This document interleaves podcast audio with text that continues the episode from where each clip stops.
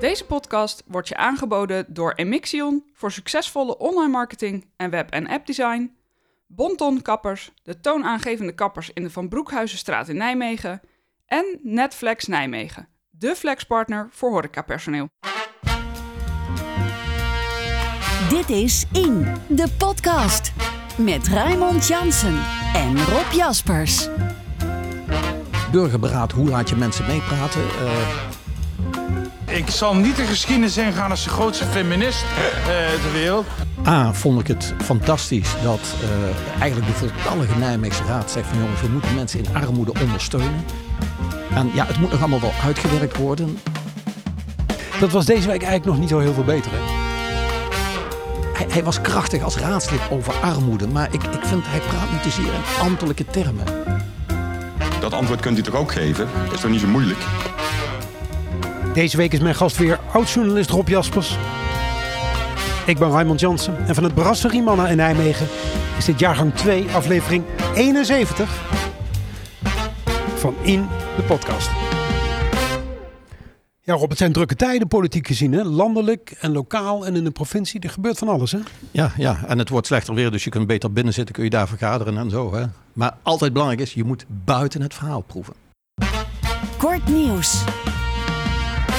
Ja, Rob, ehm, ik, ik noemde net de provincie al even. Eh, jij wil iets roepen over het burgerberaad. Ja, ehm, kijk, burgerberaad, hoe laat je mensen meepraten? Eh, de provincie die heeft eerder een oproep gedaan. We willen een burgerberaad instellen voor de provincie. Dat is nu gebeurd. 150 mensen, A-select gekozen uit een hele grote groep. Die gaan nu meepraten van waar moeten wij aan werken als provincie als het gaat om klimaatverbetering, om duurzaamheid. Hartstikke mooi. Een actie van Jan van der Meer. Ja. En het mooie is dat ik in diezelfde week zie dat Rob Jetten, onze minister, ook uit Nijmegen. Hij woont nu wel eh, net om de hoek, maar komt uit Nijmegen, zou ik maar zeggen. Die ook zegt van, god, ik wil een landelijk burgerberaad over klimaat opzetten. Dus, hey, die twee moeten toch eens een keer goed met elkaar gaan praten. Nou, ik had gisteravond toevallig contact met Rob Jet. Binnenkort is hij gast in deze podcast. Festivals, die hebben het ook zwaar natuurlijk, net zoals iedereen. Want overal wordt alles duurder. Maar festivals ja, in ja, en we hebben natuurlijk een coronatijd gehad. Ook weer heeft met provincie te maken. Maar het gaat wel om Nijmeegse festivals. De provincie gaat minder geld uitgeven aan het ondersteunen van festivals in de provincie. En in Nijmegen gaat dat een festival treffen als Go Short, filmfestival. Ja. In Science, wat Ja. komende week eh, start, dacht ik hier in Nijmegen. Een wetenschapsfestival. En bijvoorbeeld het Schemerfestival. Dat ook is een herfstvakantie, dacht ik, in, in het Gofferpark. Waar is Schemer in die bossen waar kinderen op afkomen. En die gaan allemaal minder geld krijgen. En die zijn toch bang voor hun voortbestaan. Dus, dus, dus ja, hoe daarmee verder, provincie? Ja, de cultuur is natuurlijk altijd een, een kostenpost. Want eh, vaak kunnen culturele activiteiten niet zonder meer met de opbrengsten van alleen maar bezoekers worden gefinancierd. Maar nu raakt het dat toch extra dan, denk ik. Hè? Ja, ja, ja, en er komen statenverkiezingen aan. En ik kan me voorstellen dat sommige mensen zeggen van... God, moet wel al dat geld naar de cultuur. Maar ja, zo'n schemerfestival, daar kun je gratis naartoe. Dat, dat kun je niet organiseren met bijzonder licht in een gebied... zonder een, een, een- een bijdrage Ja. van derden, denk ik. Dus eh, Overigens, S- Schema Festival, dit weekend, vrijdag en zaterdag, Grondvest. Ja, Grondvest, ook een festival over de democratie. Eh, heel veel bijeenkomsten in het centrum van Nijmegen. Ik geloof wel 30, 40. eh, in het stadhuis, in de, in de Molenstraatkerk, in de Lindenberg. Praten met mensen, mensen laten horen hoe zij naar democratie kijken, hoe ze naar vrijheid kijken. Ja. Absoluut een aanrader. Check even grondvest.com wat het programma is. Zelf ga ik overigens ook even de Waal op, waar ik de kracht van burgers laat zien. Ach, doe je anders nooit. Ja, Woensdagavond tijdens de gemeenteraadsvergadering was er ook een eh, eh, debatje over de geplande verhuizing van een Nijmeegse basisschool. Tijdens dat debat sprak Toon van Gent van D66, maar die had moeite met de klemtoon van een eh, straatnaam. En ja, toen kwam het hem op een mini-college vrouwelijke wetenschappers te staan. En dienstdoende docent, dat was Hubert Bruls. Alleen als ik met eh, de omwonenden van de Krekelstaat zal gaan praten, zullen die waarschijnlijk eh, mij ook een aantal goede argumenten eh, geven waarom eh, het beter is om het juist op de Marie Curiestraat te doen. Ik zeg het toch maar even. Marie Curie, hè? Ja, nee. Ik, ik zal niet de geschiedenis ingaan als de grootste feminist eh, eh, ter wereld. Maar ere wie ere toekomt, een van de eerste grote erkende vrouwelijke wetenschappers, winnares van twee Nobelprijzen, beste mensen.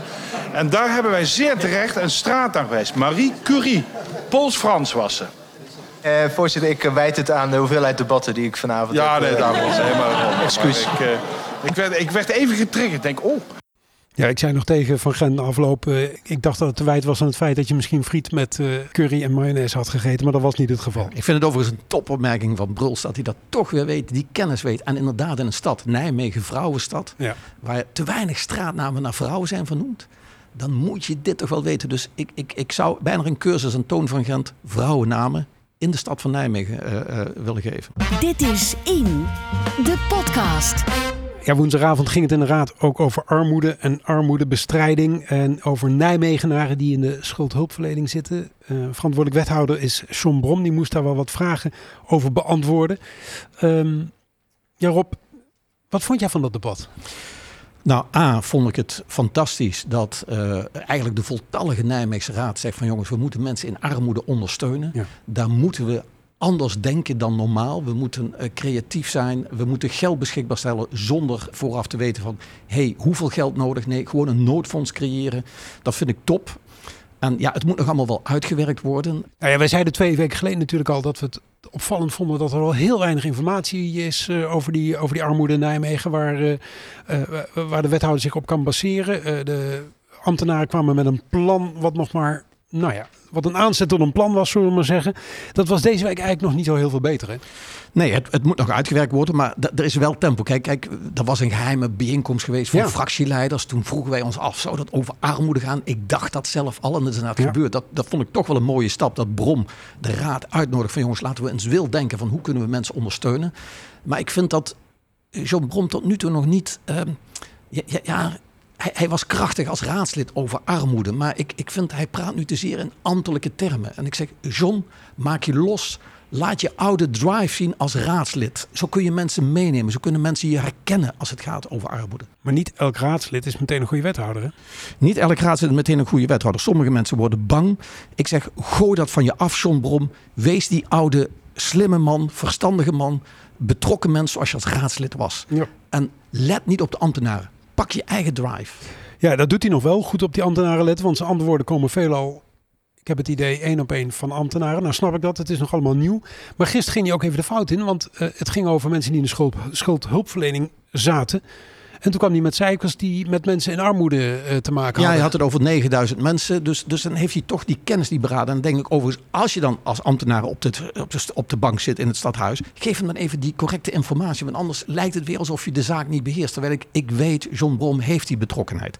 Het belangrijkste, want we hebben het nu over personen. Maar het belangrijkste vind ik echt is ja, de raad die helder maakt. Jongens, het is tien over twaalf. Dat PvdA-raadslid. Ja, Kaljazovic, moeilijke Juist, naam, ja, maar we gaan die het toch zijn drive geeft. En, en Hussen eh, van GroenLinks, Ja. die ook aangeeft, die door de stad trekt om de verhalen te horen. Die voortdurend, vanochtend mail die me nog van.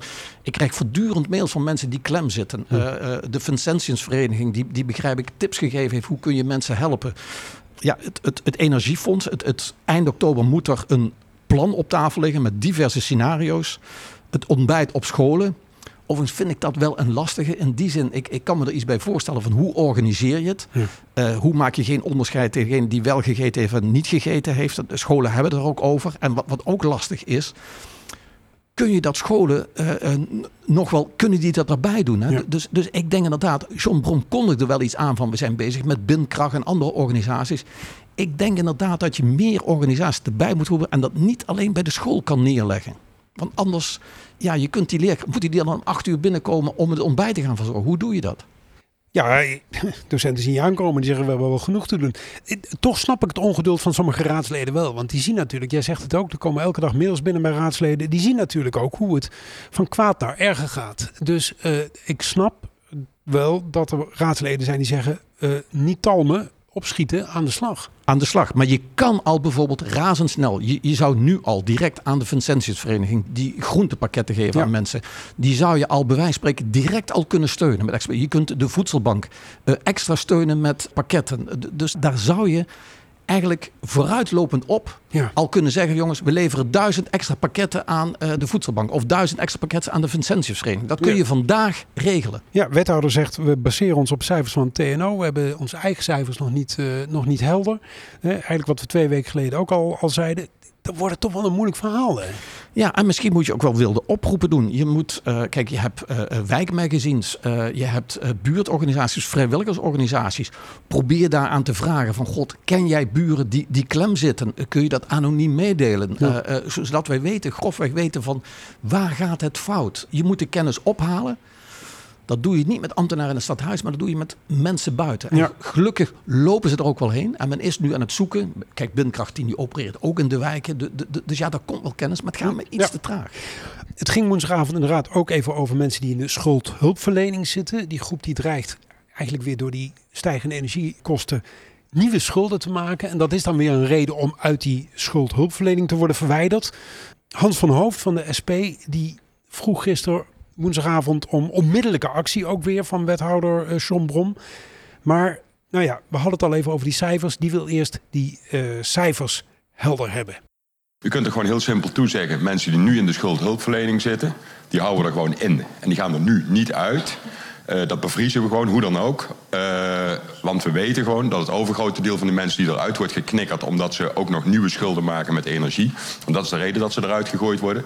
dat we dat op dit moment dus niet doen gewoon. En dan gaan we later nog wel even kijken... Uh, of er misschien toch mensen om afval reden dan ook misschien daar niet in thuis horen. Dat antwoord kunt u toch ook geven? Is toch niet zo moeilijk? Wij als college denken in ieder geval niet dat, je, dat het handig is om met Pavlov-reacties te komen. Dit is een Pavlov-reactie. Het is veel beter, het is vele malen beter om het goed in kaart te brengen. En laat ik u wel toezeggen dat wij uh, contact opnemen met, uh, met de bewindvoerders, waarbij wij uh, deze, dit verzoek nog eens neerleggen. Alleen zo eenvoudig als zoals u het stelt, zo, zo werkt het dus niet, helaas. Ja, kijk, ik snap, je moet meer kennis hebben. Ja. Maar je moet, daar waar het crisis is, moet je ook acuut kunnen handelen. En dan moet je later zaken bereid kunnen zetten. Dus je, je kunt een dwingende brief sturen naar uh, uh, ik noem alle bewindvoerders. U gaat dit niet doen. Kijk, Rob Jette heeft geroepen bijvoorbeeld... wij gaan niemand afsluiten van het gas die niet zijn rekening kan uh, betalen.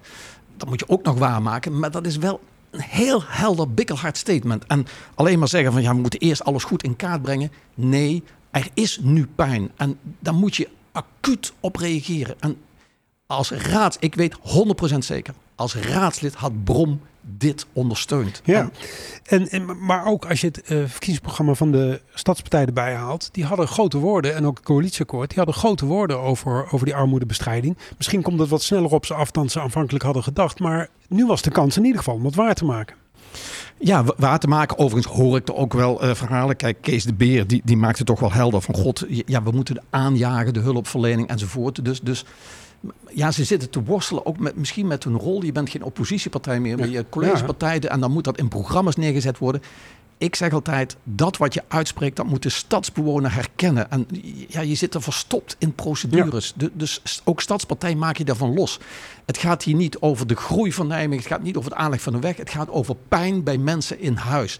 En daar moet je op een onorthodoxe manier direct reageren. Ja, Hans van Hoven zei het later ook. Hè. Die zei, we gaan iedereen helpen en we kijken na afloop wel of er ook mensen zijn geweest die er misschien onterecht aanspraak op gemaakt hebben. Ja, ja ik vond overigens ook Paul Eigenhuizen. Ja. Echt ja. knap. Echt helder maken van jongens, hier moet de hele raad achter staan. En die kreeg hij ook uh, daarachter. Dus ja, toch ook wel dat hij ziet wat er moet gebeuren. En ook actueel reageren. Mooi van hem. Ja. Het ging ook nog even over dat noodfonds uh, waar, uh, waar wij twee weken geleden ook over hadden. Enschede geloof ik hè, op dat moment. Ja, en, ja, en Leiden doet dat volgens mij ook al. Hoe kijk jij daarna?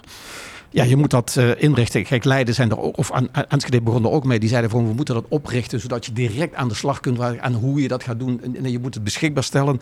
Ik, ik vond zelf uh, de, de, VVD, die waren als enige, die, die hadden moeite met dat noodfonds. Die vonden dat ad hoc beleid.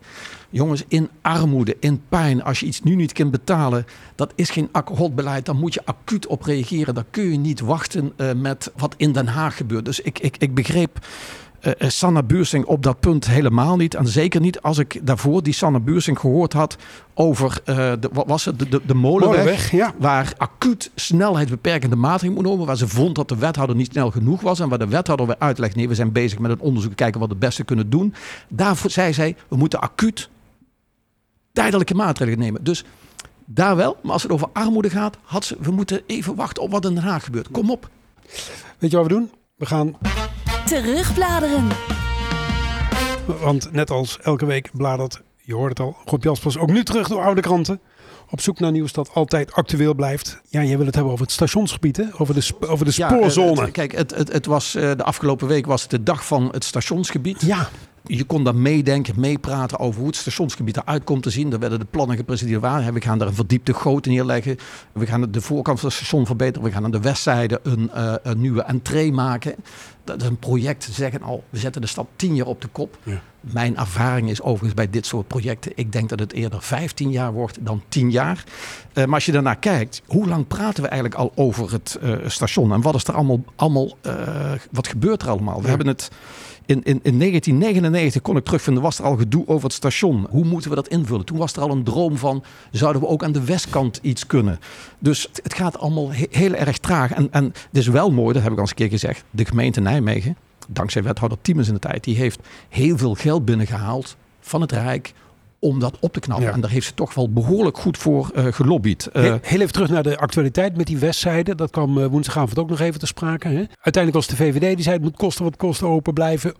De ook- entree. Ook als het, eh, die, ja, die entree in de, in de tunnel, ook als de gemeente het zelf moet betalen. Ook als de gemeente het zelf moet eh, betalen. Andere ja. partijen wilden niet Ja, zo ja, ver gaan, maar goed. Ja, dat, de, eh, de NS en PO hebben zij gezegd, we dragen geen druppel bij. Eh Cilia Dame zei, ja, bescherming daar, dat moet je met een, een, een bewaker doen en een hond. Want dat, dat, er gebeuren te veel illegale dingen. Dat kost 80.000 euro per jaar. Dat moet je voor vijf jaar doen. Ik zou zeggen, ik, ik heb een hele tijd lang aan de westzijde gewoond. En ik ging ook wel eens met eh, de trein. En ik liep helemaal door die station in. En ik liep via de bovenkant om. Jongens, het is een kwartiertje langer. En dan komt er onmiddellijk bij. Ja, natuurlijk zijn er mensen met een handicap die het langer is. Maar ik zou de deal gemaakt hebben. Die vier ton, die stoppen we extra in het armoedebeleid. Ja. V- Vanwege dat, dat, dat, dat omlopen. Dus het, het was een unaniem raadsbesluit. Het moet open blijven. Ja, ik, ik hik dat tegenaan. Ik denk van, jongens, het gaat om tijdelijk. S- Soms moet je eh, iets tijdelijk accepteren dat je moet, moet, moet omlopen. Het is ook nog gezond ook dat omlopen, maar dat terzijde. terug naar de dag van het station. Terug naar de dag van het station. Ja, eh, het, het was heel leuk. Ik zag niet zo heel veel onbekende mensen overigens daar rondlopen. Eh, Zoals dus altijd. De kunst is van hoe betrek je mensen bij vernieuwing. Maar het was wel goed eh, georganiseerd. En ja, als je daarnaar kijkt.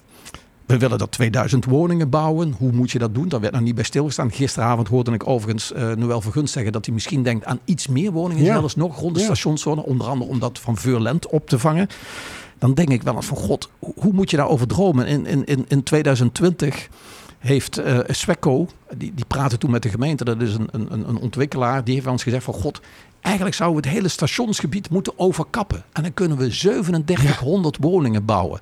Die hebben dat serieus uitgewerkt. En er zijn ook voorbeelden in andere landen waar dat gebeurd is. En als je het hebt over dat bouwen, het is een droomverhaal, maar die zijn er wel eens meer geweest. Paul de Pla in 2006, die hadden toen plannen, jongens, we gaan aan de kant van Willemskwartier gaan we, eh, waar nu die speelvelden zijn, naar dat Ja, groen, gaan ja. wij woningen bouwen. Ook aan de Bottendaalse kant woningen bouwen. Die waren zelfs al ingetekend. Hè? Dus als je het hebt over dromen en als je hier praat over tien jaar, ik, ik denk dat er nog heel veel verandert. We krijgen een ingang aan de westzijde.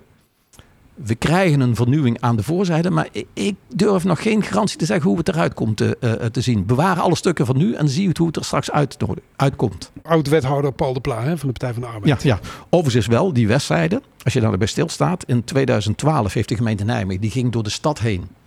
En die wilde weten van hoe ontwikkelen wij de stad richting 2020, 2030.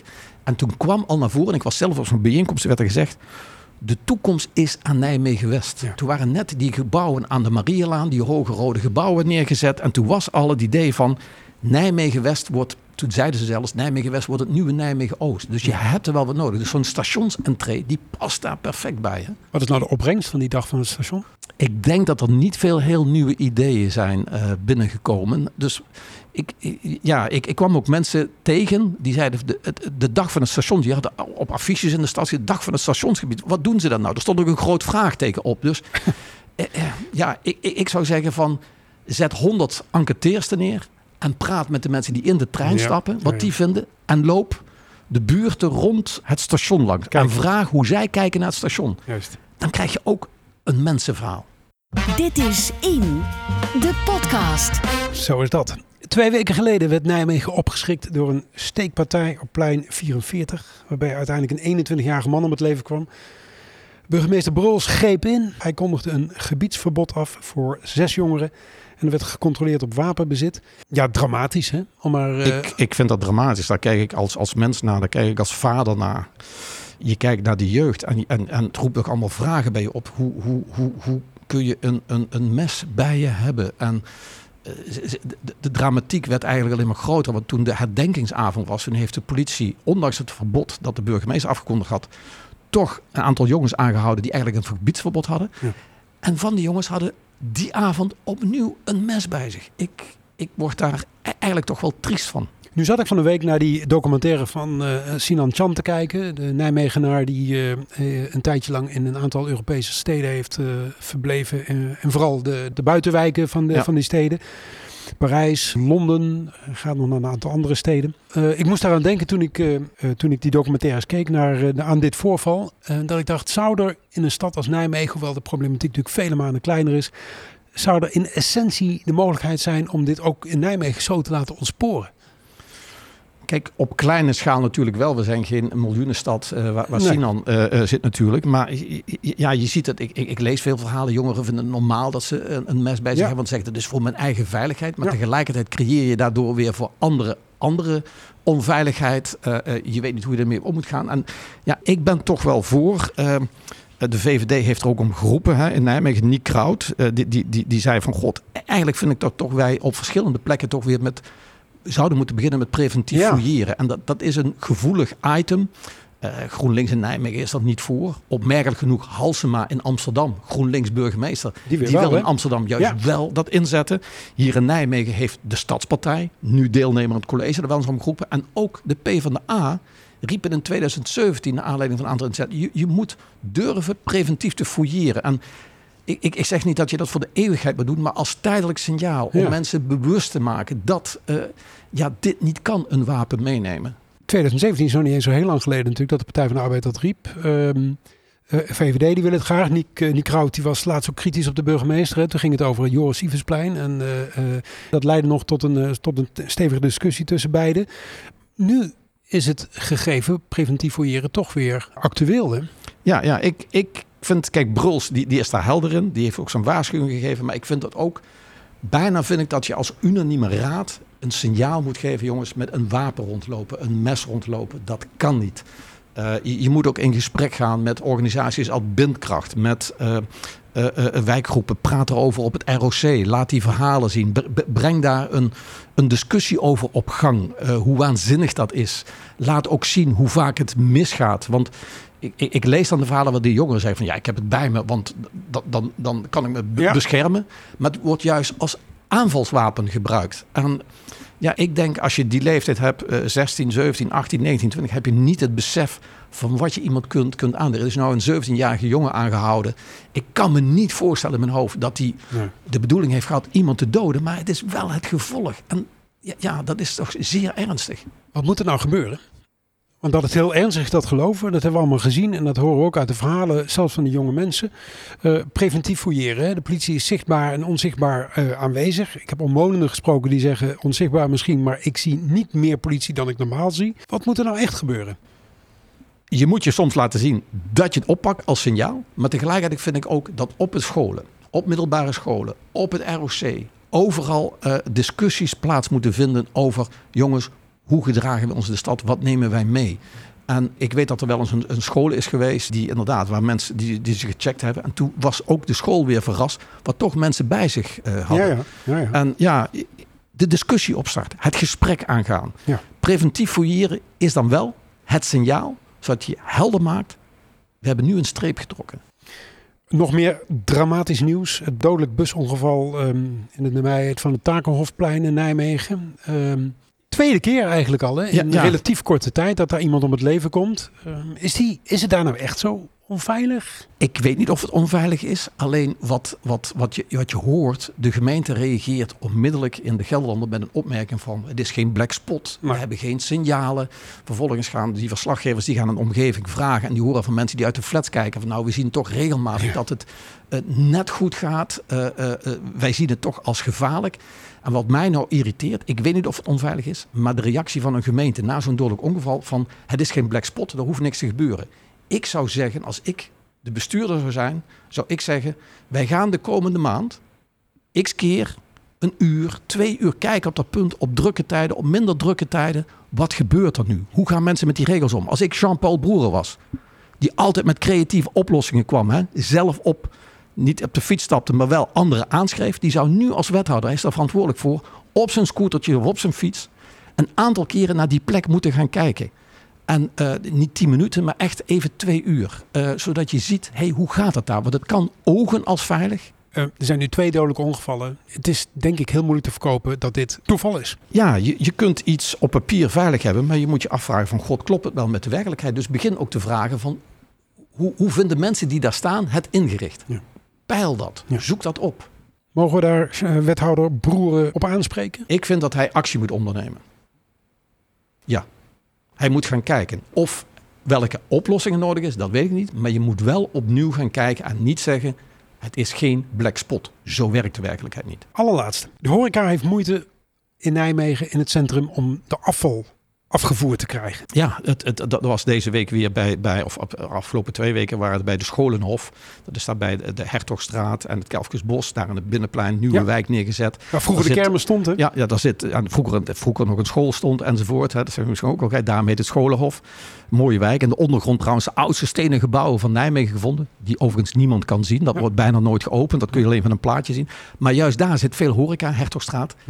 Die slaan op, dat gaat stinken. Mensen irriteren zich eraan. En dit is niet voor het eerst. Het speelt al, al, al decennia in het centrum. En ik weet dat Maarten Mulder van het Huis voor de Binnenstad x keer actie ondernomen heeft. God, hoe kunnen we dat beter regelen? Hoe kunnen we zorgen dat uh, er één ophaaldienst komt voor, voor al dat gedoe? Of, wat ook moeilijk is, ik begreep dat dat hier speelde, zorg voor de juiste opslag. Dus niet die, die zakken die ergens staan, maar de juiste opslag. Maar ik, ik begreep hier, geloof ik, dat dat kon juridisch niet dat er iets gebouwd werd. En, en soms zie ik eh, bij horeca gelegen een hele mooie eh, gesloten opslagtank. Ja, die, staat in een hoek bij een parkeer. Dat, helpt. Dus ik zou ook hier zeggen van jongens, dit moet gewoon op te lossen zijn als je creatief bent. Als wij met z'n twee, als Jean-Paul Boeren met mij daar gaan staan... en we gaan daar kijken en we pakken ook een aantal andere horecageleden... dan kunnen we ter plekke de oplossing bedenken. En Jean-Paul Boeren, dat was de man die altijd met creatieve oplossingen kwam. Ja. Hier is dat dus ook nodig. En het mooie was, Jean-Paul Broeren realiseerde het altijd, die alternatieve oplossing. Binnen een paar weken lag het er. Hè? Dus ik ben benieuwd alsof voor twee weken Jean-Paul Broeren gemeld heeft. Ik ben in gesprek met de horeca. Ik ben bezig met alternatieve oplossingen. Woensdagavond was ook de maiden speech van Kees de Beer. Dat zijn eerste optreden in de gemeenteraad. Relatief laat, maar het bleef niet onopvallend. Hij gaf ook een klein kijkje in zijn familiegeschiedenis. De reden waarom hij eh, in de politiek terecht kwam. Maar ook deelde hij aan het einde nog een knipoog uit naar zijn collega-raadslid Michelle van Doorn. Nieuw in de raad. En dat betekent dan dat dit mijn uh, medenspeech is. Het moment waarop iedereen natuurlijk de hele avond gewacht heeft. Of nou ja, niet jullie, maar in ieder geval mijn moeder. En zij is de wereld voor me. En... Um, het is ook een kleine familietraditie uh, bij, ons om dan ook in de politiek te gaan. Mijn uh, opa heeft uh, eh, 40 jaar lang is hij raadslid geweest voor het CDA in een raadzaal die ook onze burgemeester zeer bekend is. Um, ik heb nog een, een, een oom rond, rondlopen die nog voorzitter is geweest van de VVD in Limburg. Ik heb een neef die in het bestuur heeft gezeten van de JOVD hier in Nijmegen. En dan zul je je afvragen waarom zou ik niet een stuk rechtser zitten. Nou ja, ik heb gelukkig ook nog een vader die uh, Partij voor de Dierenstemmer van het eerste uur is. Dus ik had dan weer een stuk linkser gezeten. Al ja, ook al dan kun je weer een stuk rechtser eindigen. Precies tussen de twee eerder genoemde partijen in. En dit was aflevering 71 van In de Podcast. Redactie en productie in handen van Rob Jaspers en ik ben Raymond Jansen. Montage en audio nabewerking door Thijs Jacobs je vragen, mail dan naar redactie.inepodcast.nl. Ook voor suggesties en onderwerpen of gasten. Zondag is er weer een nieuwe column van Kiki. En volgende week, dan is er weer een nieuwe In. Dit is In, de podcast.